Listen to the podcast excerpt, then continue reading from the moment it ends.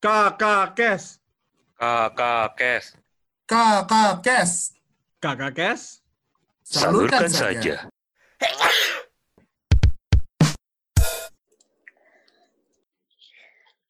Halo teman-teman, selamat datang kembali di podcast teman HRD, THR, teman HR. Hari ini gue ya lagi-lagi seperti yang kalian semua ketahui sebelumnya, bahwa gue akan selalu bersama dengan satu manusia ini yaitu Karuniado dari podcast. Wih, luar biasa. Biasa lah ya, kalian pasti bosan lah. Kalau nggak bosan mungkin kalian nggak nggak normal ya. Oke, hari ini kita mau bahas satu topik yang menurut kita menarik, mungkin menurut kalian juga menarik atau kurang menarik, ya keputusan masing-masing lah ya, selera masing-masing. Tapi hari ini kita bakal bahas tentang CV menarik di mata HRD atau di mata recruiter. Do, Hmm, kalau hmm. menurut tuh CV yang menarik itu seperti apa?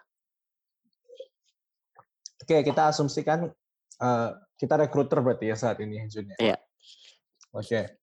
CV yang menarik itu kalau gue baca dalam waktu berapa 30 detik, gue udah bisa tahu dia kemampuannya apa, Hmm, dia em, bisanya ngapain, dia bakal belajar apa enggak, iya, sama kerapihannya dari tata cara dia nulis eh, resumenya, CV-nya, ngedesain resumenya, CV-nya.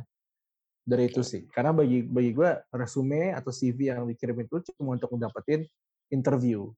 hmm, Untuk meyakinkan gue kasih dia kerjaan atau enggak, itu waktu di interviewnya gitu. betul. Oke, Mm-mm. oke. Betul, jadi confirm nih oleh seorang HRD asli, Juna Rasumi. ya gitu juga lah. Iya sih Ya, kalau menurut gue pribadi gue juga kurang lebih setuju sama lu. Jadi kayak kalau misalkan CV itu memang kalau men- mau menarik ya harus jelas. Misalnya kemampuannya apa, pengalaman kerjanya apa, atau pengalaman yang lain, organisasi misalkan atau pengalaman-pengalaman lainnya, magang segala macam. Tapi kalau buat gue Mm. sih, kalau misalkan membaca CV itu yang paling penting adalah kalau sebagai recruiter gitu atau sebagai HRD, kalau gue pribadi sebelum gue membaca CV itu gue udah tahu gue mau nyari apa gitu. Jadi HRD itu udah tahu kita tuh mau nyari apa sih di CV seseorang kandidat gitu, di, C- di CV para kandidat gitu. Kalau misalkan kita lagi mau ngerekrut graphic designer misalkan, kita mau ngerekrut graphic designer kan, otomatis yang kita lihat pertama kali adalah CV-nya apakah bertuliskan graphic designer, pengalaman kerjanya tentang graphic designer atau enggak. Kalau misalkan eh, si kandidatnya ini punya CV mau apply ke posisi graphic designer, tapi yang dijelasin pengalaman kerjanya adalah misalkan video editor, which is nggak nyambung kan. Otomatis itu pasti langsung gua skip gitu. Jadi yang pasti yang sesuai lah isinya. Jadi informasinya juga harus sesuai dengan posisi yang mau dilamar. Kalau mau ngelamar graphic designer ya isinya pengalaman graphic designer, jangan yang lain, jangan digital marketing atau yang lain kayak gitu. Jadi biasanya itu yang pertama kali dilihat dan yang kedua kalau buat gue sih mungkin ini ya kayak desain. Lu pasti per- pernah lihat lah ya orang-orang desain CV kayak gimana kan? Kayak Mm. kayak mereka pakai Canva terus apa warnanya tuh warna-warni artistik artistik gitu kan, ya kan? Mm-mm. Nah itu eh, itu sebenarnya boleh tapi maksudnya lama-lama kalau misalkan tulisannya banyak kita harus pastiin juga kalau misalkan CV ini bisa dibaca dengan jelas gitu jadi warnanya tuh nggak bikin sakit mata kan. Nah kalau menurut lu kalau misalkan kita bikin CV seberapa penting format atau desain di sebuah CV? Nah itu em, pertama lu harus kita harus jelasin dulu ke para pendengar ada perbedaan antara CV sama resume gitu. Kalau resume itu eh, hardnya atau peraturan yang paling kerasnya adalah itu harus satu hal- halaman. Jadi harus satu halaman cuma kata-kata doang, nggak digambar, kayak beneran cuma nama, contact person, pendidikan dari mana, eh, pekerjaan dari mana, dan lu harus naruh semaksimal mungkin apa yang cocok untuk lu apply. Misalnya, misalnya lu udah pernah kerja sebagai HR, lu udah Oke. pernah kerja sebagai eh, business intelligence, terus lu apply berikutnya sebagai business analyst. Berarti di resume lu cuma tulis business intelligence dong, lu nggak boleh naruh HR lu. Ya karena kan nggak nyambung. Dan lagi kan resume cuma satu halaman gitu. Iya, Kalau CV kan bisa berhalaman-halaman karena itu jatuhnya udah kayak biografi singkat hidup lu kan. Apa yang lu udah kerjain, lu belajar dari mana. Nah, em, desain kalau di resume karena satu halaman harus maksimal data tentang lu siapa, kemampuan lu apa, ya udah. Berarti gua gua kalau bisa gua kalau bisa nggak usah desain-desain cuma kata-kata doang, penting gampang gua baca, mudah gua Oke. mengerti, ada poin-poin pentingnya apaan, habis itu udah.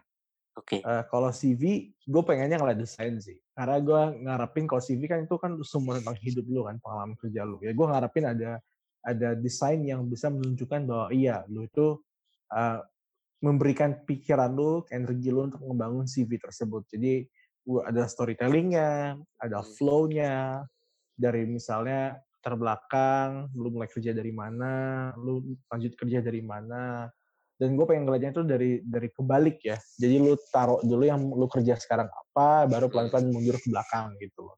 Oke. Kalau resume minimalis, kalau CV gue pengennya eh, indah lah di mata. Oke oke. Biar enak di mata gitu ya, enak dibaca. Oke oke. Sebenarnya emang kalau resume karena cuma satu halaman sebenarnya nggak perlu desain. Tapi kalau misalkan CV mungkin bisa lebih dari satu halaman gitu ya, dua halaman misalkan maksimal kan. Jadi ya lebih Hmm. fleksibel lah untuk secara aspek desainnya gitu kan. Wah gila ini dikonfirmasi lagi nih sama seorang HR nih. Bos HR. Mulai lagi dia. Oke oke. Oke dok, biar tambah banyak pembicaraan, tam- tambah banyak pembahasan gitu ya tentang CV. Karena kan kita fokus ke CV. Nah, gue mau bedah satu-satu, cah lah bedah, bukan bedah sih maksudnya gimana ya? Bahas satu persatu, satu bagian per bagian gitu ya yang ada di CV. Oke dok, kita mulai dari bagian yang paling pertama, which is yang paling gampang di notice kalau misalkan kita kirim CV khususnya di Indonesia gitu ya, adalah foto profil. Oke. Menurut tuh foto profil seperti apa yang baik atau yang profesional di mata recruiter? Profil, ini boleh diperjelas lagi nggak pertanyaannya nih? Kenapa? profil tuh maksudnya konteksnya apaan nih konteksnya? foto profil di CV. Oke. Nah, Oh, jadi lu minta strukturnya gitu ya?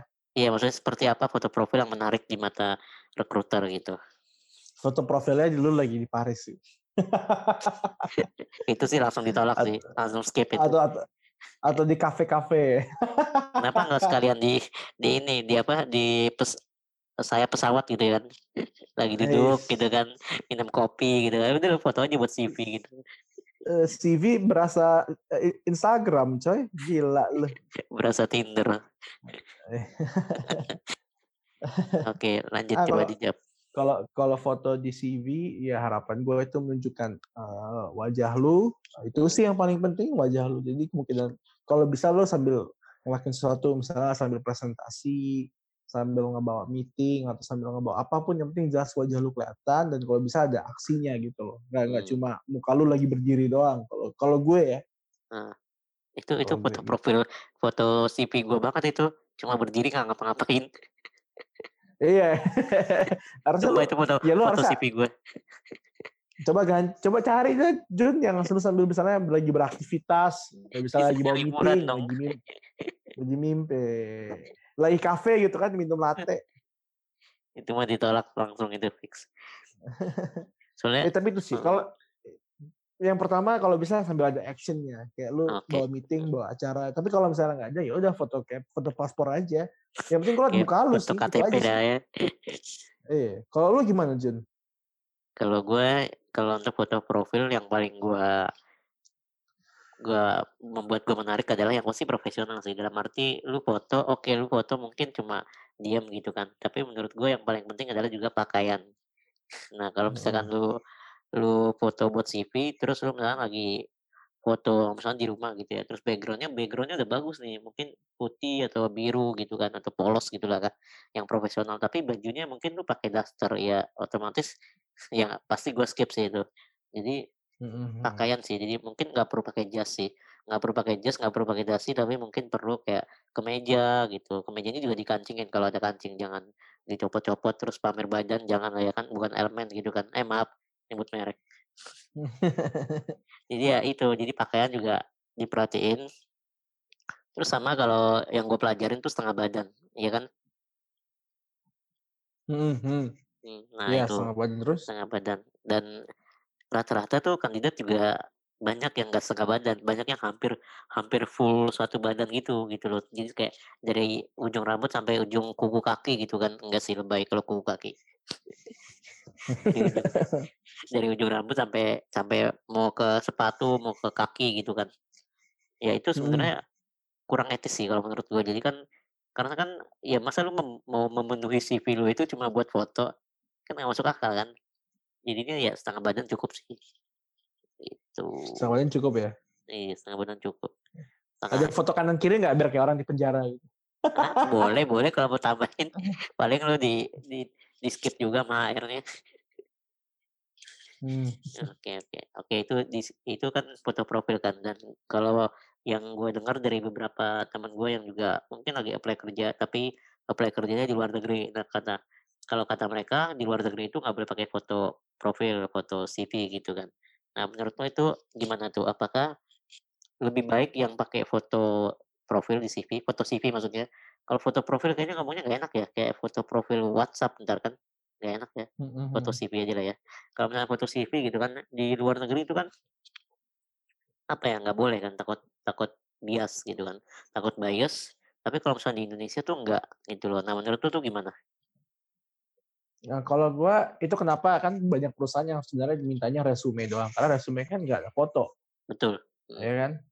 Nah, kalau di CV ya harus ada. Dan lagi Hmm. jarang banget sih sekarang perusahaan minta CV ya, jarang banget. Kenapa?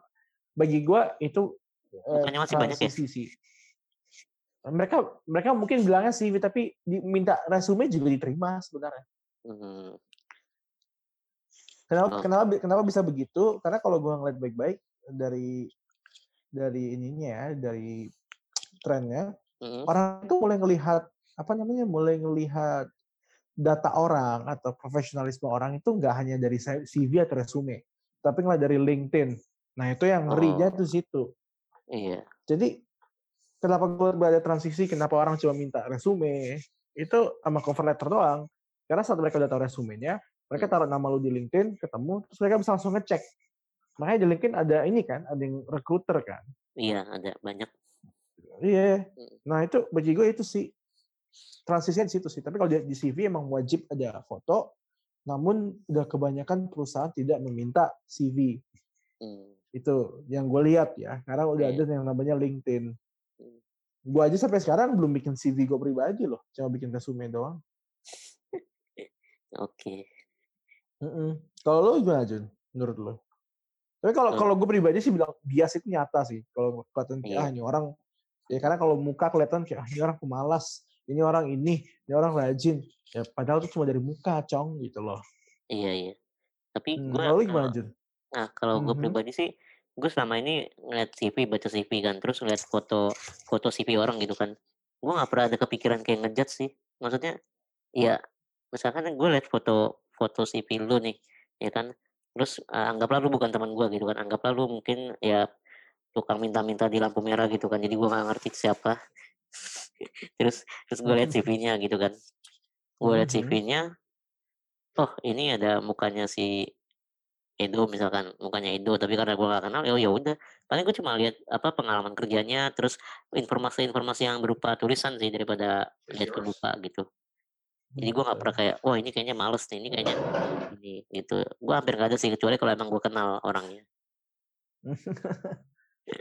Nah, Gitu. gue gue dulu lu, lu bilang tadi kan orang yang lu kenal. Lo ada masukin orang yang lu kenal nggak ke perusahaan? sampai sekarang sih belum ada Kenapa tuh? kok kenapa Kenapa? Kenapa? Ya, emang yang masuk rata-rata gak gue kenal Oh gitu. Begitu Nah, gue mau gue mau nanya lu nih Jun, karena lu Nah. sebagai seorang HR. gue takut Lu di perusahaan, eh, lu, lu di perusahaan jadi orang yang bilang iya atau enggak? Di orang diterima nggak? gimana gimana Lu tuh orang yang terakhir nggak sih yang bilang orang diterima atau enggak?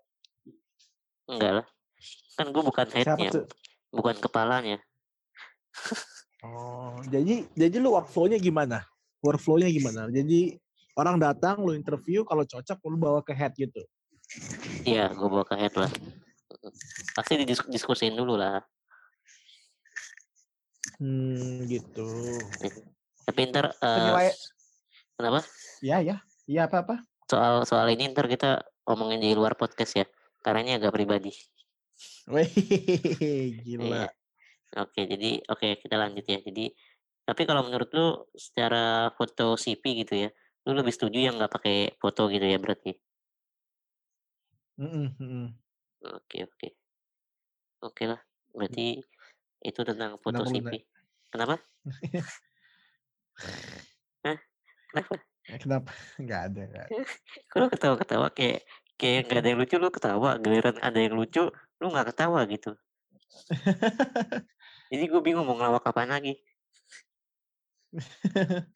Ya udah oke, jadi itu foto CV ya kan. Oke, kita lanjut ke yang lebih ya agak ke bawah dikit lah ya, agak ke bawah. Agak ke bawah dikit. Agak ke bawah dikit. Ya apa Nah, itu ke bawahnya dikit? setelah foto CV, personal statement kan atau summary gitu kan. Nah, Iyo oke, menurut lu seberapa penting summary atau personal statement dan seperti apa kalimat yang menarik di personal statement itu? Aduh.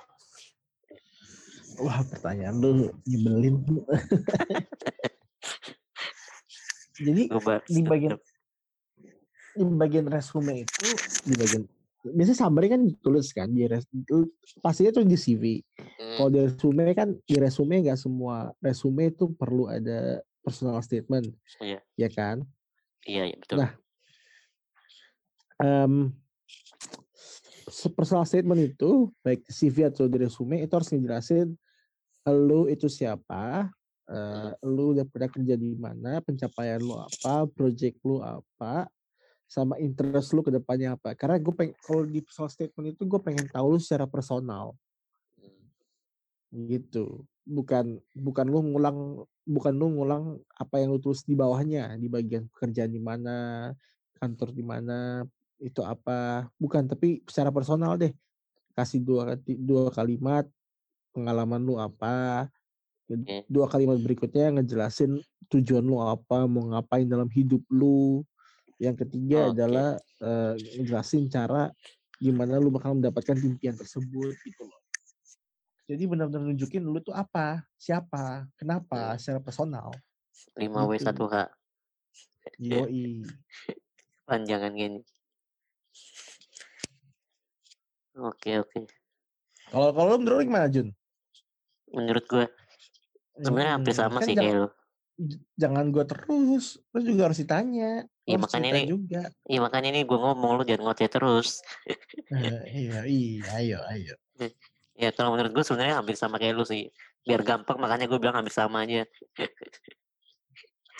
Jadi kayak ya Ah. kalau personal statement atau atau summary itu memang yang di highlight adalah misalkan pengalaman kerja ya kan. Pernah bekerja di mana terus kalau misalkan pernah bekerja di mana mungkin jelasin juga secara singkat job desk-nya tapi secara singkat aja. Kalau misalkan mau lebih detail kan ada di resume gitu kan. Nah secara singkat job desk-nya Mm. ngapain terus sama ya tujuan sih tujuan. Misalkan kalau misalkan kita pilih berkarir atau bekerja sebagai HR gitu ya kenapa mau bekerja sebagai HR itu atau mungkin karena sesuai dengan latar belakang pendidikan psikologi gitu kan terus belajar juga rekrutmen. Nah iya kayak gitu sih. Kurang lebih yang di summary gue juga begitu soalnya. Mm, mm, ya begitu sih. Wah kita nih, hmm, udah kebanyakan ri- udah udah ini ya, udah ngelakuin riset ya. Iya. Ternyata. risetnya risetnya dua tahun yang lalu masih ada di kepala Oke oke jadi itu personal statement. Jadi mungkin buat teman-teman di sini yang dengerin kayak masih bingung cara buat personal statement gimana kan. Jadi ya itu aja sih yang perlu disampaikan kayak pengalaman kerja job desk secara singkat sama tujuan. Itu aja sih. Sebenarnya paling penting kalau buat gue sih tiga tiga hal itu dulu. Karena kalau misalnya mau lebih detail ya di resume sih. Resume biasanya lebih lebih detail ya kan dok? Mm, mm, bener, bener. Nah, kalau personal statement panjang-panjang di CV ya habis tempat ntar. Habis space ntar.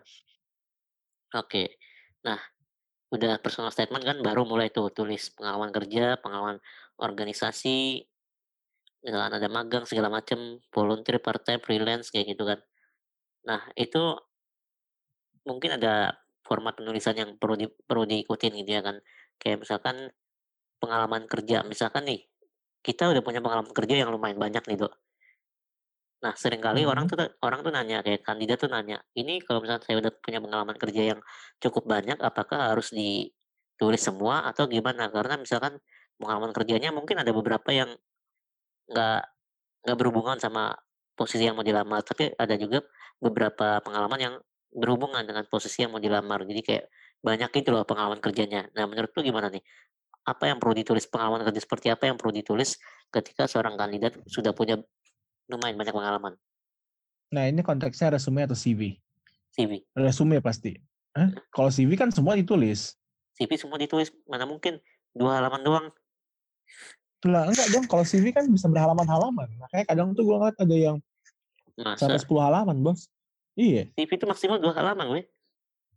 seriusan. Wah ini nih, Serius. ini nih. CV maksimal dua halaman, dua tiga halaman lah. Wis. Wah, lu salah riset kayaknya. Apa gue yang salah riset? Weh, ini nih. Kayak gue Ini salah riset deh. At- at- ini Kayaknya menarik nih, ini menarik. Menarik Kayaknya sekali. salah deh. Soalnya lu kan gak kerja sebagai HR, anjir. Eh, Dan dikat. nggak apa-apa, santai aja. Emang emang gue kerja sebagai HR. Jadi menurut lu gimana? Oke lah, anggap resume gitu kan. Kalau di su- resume gue bisa jawab. Karena Iya. di resume lu cuma satu halaman. Jadi ap- misalnya lu mau apply sebagai business analyst atau business intelligence atau consultant. Berarti lu cuma taruh pengalaman-pengalaman lu yang sesuai dengan pekerjaan tersebut dan tiap bullet point atau em, poin 1, 2, 3 di dalam pekerjaan tersebut lu cuma tulis pencapaian lu aja. Lu nggak nulis apa yang lu kerjain, lu nggak nulis Hmm, uh, daily job lu apa, lu cuma nulis pencapaian lu doang. Misalnya gue udah nge-handle project 2 miliar gitu, lu taruh di situ. Handling Oke. a, 2 billion dollar, 2 billion rupiah IDR project, taruh di situ. hmm, Jangan lu tulis eh, gue misalnya associate, gue ngurusin ini ini ini. Jangan tuh nggak menarik. Lu harus tulis ininya apa yang lu kerjain, apa Hmm. yang apa, penghasilan apa yang lu hasilin di situ loh. Oke, jadi kayak pencapaian lah ya. Oke. Kalau pencapaiannya banyak, tulis semua gitu. Tiga aja. Tiga aja.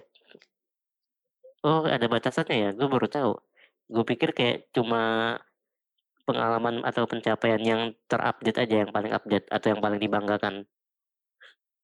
Enggak dong, karena kalau misalnya apa yang lu banggain kan nggak sama dengan sesuai dengan kebutuhan kantor. Misalnya lu apply sebagai konsultan, Hmm? masa lu tulis, masa lu tulis itu gue bangga udah udah ngedit video terus video itu ditonton satu Ya juta enggak lah, kali. Apa hubungannya gitu loh? Ya enggak lah, maksudnya misalkan lu misalnya lu HR gitu kan, terus lu ngerjain banyak project, banyak project HR gitu kan, dan pengalaman kerja sebagai HR juga banyak. Ya berarti yang ditulis pencapaian sebagai HR yang paling dibanggakan gitu, tapi masih berhubungan dengan HR. Ngerti nggak maksudnya? Ngerti, ngerti. Iya, gue pikir Cuma begitu. Sekali lagi kan lu apply ke mana, lu ngikutin aja apa ya apa yang dibutuhkan sama mereka gitu. Hmm, Dan ya maksimal tiga lah kalau misalnya lu udah banyak pengalaman kerja, pasti lu bingung banget cara nulisnya karena kan cuma Iya, satu bener. halaman. Mm, mm, mm, mm. Iya. Iya sih emang kalau udah Iya. mulai banyak pengalaman jadi kayak bingung mau nulis yang mana gitu kan. Mm-mm. Oke, itu Bener, berarti ah, bener banget. mm.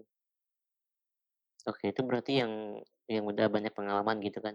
Nah, kalau misalkan nih yang masih fresh graduate gitu ya, yang belum begitu banyak pengalamannya. Menurut lu pengalaman seperti apa yang perlu ditulis di dalam CV atau di dalam resume? Ini jadi ngomongin resume juga nggak apa-apa lah ya. Nah, pengalaman Mm. seperti apa yang perlu ditulis di CV atau di resume untuk seorang fresh graduate yang mungkin pengalamannya masih sangat sedikit, masih sangat terbatas atau bahkan mungkin nggak punya pengalaman sama sekali gitu. Gimana? Jangan-jangan ntar Ya lu, resumenya kosong banget.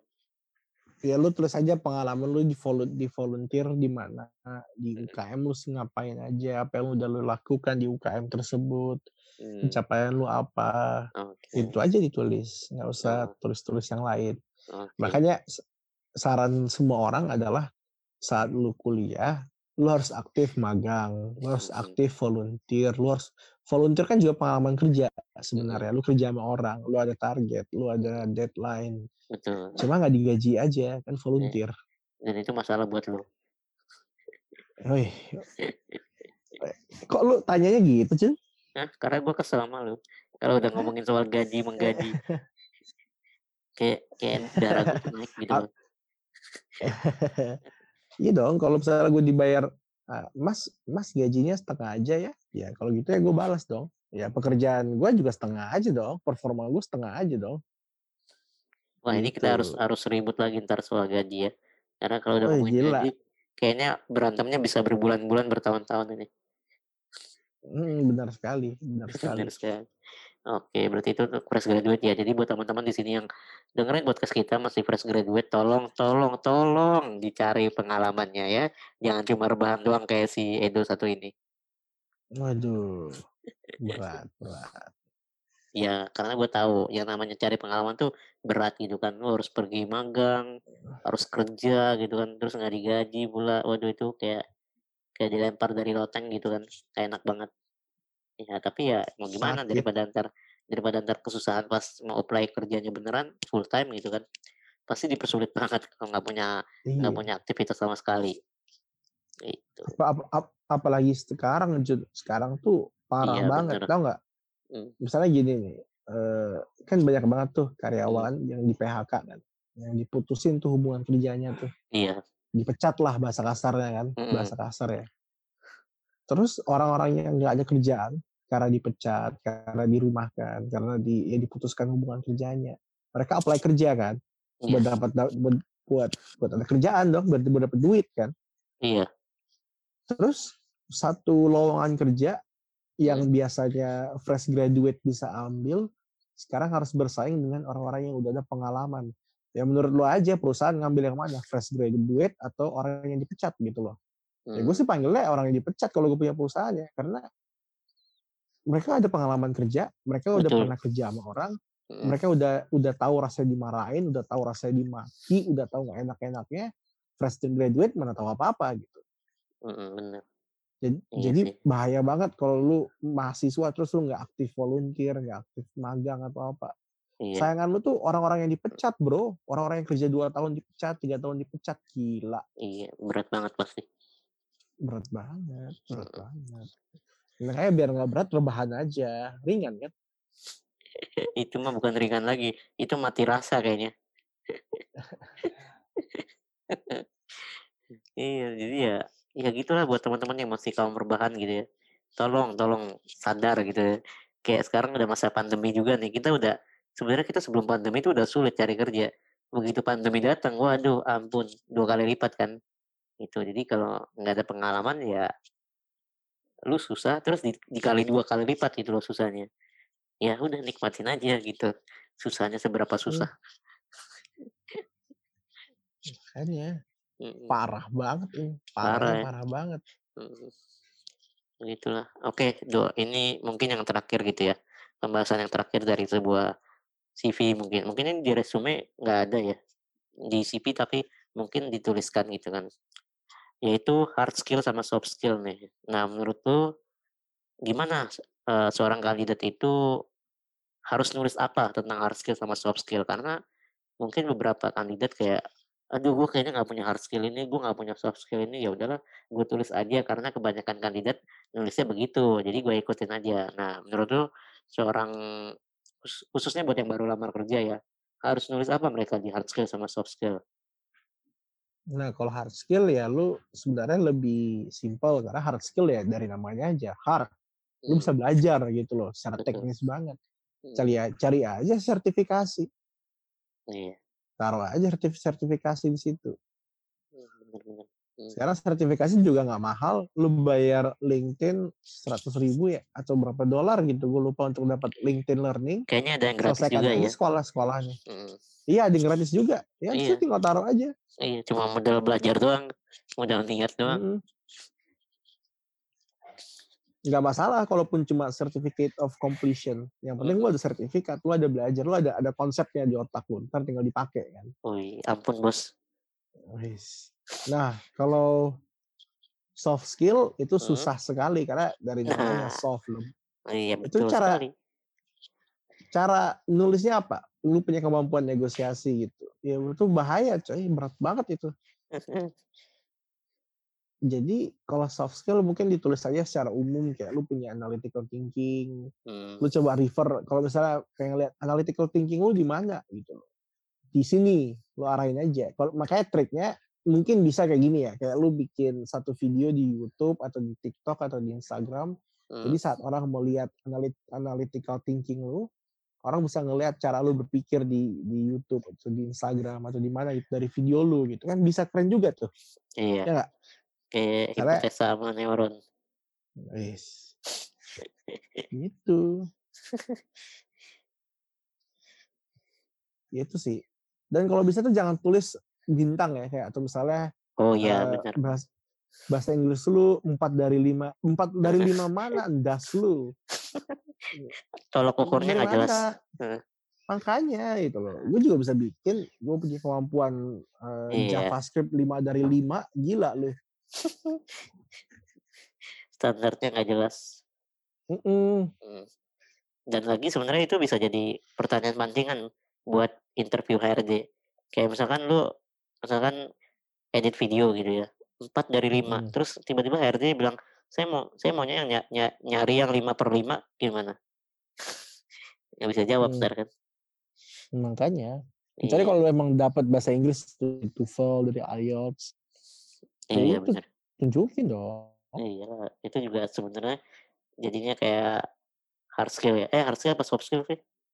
Gue jadi lupa juga. soft soft soft skill Soft, soft soft, iya soft. ah. Kalau bahasa soft sih sebenarnya.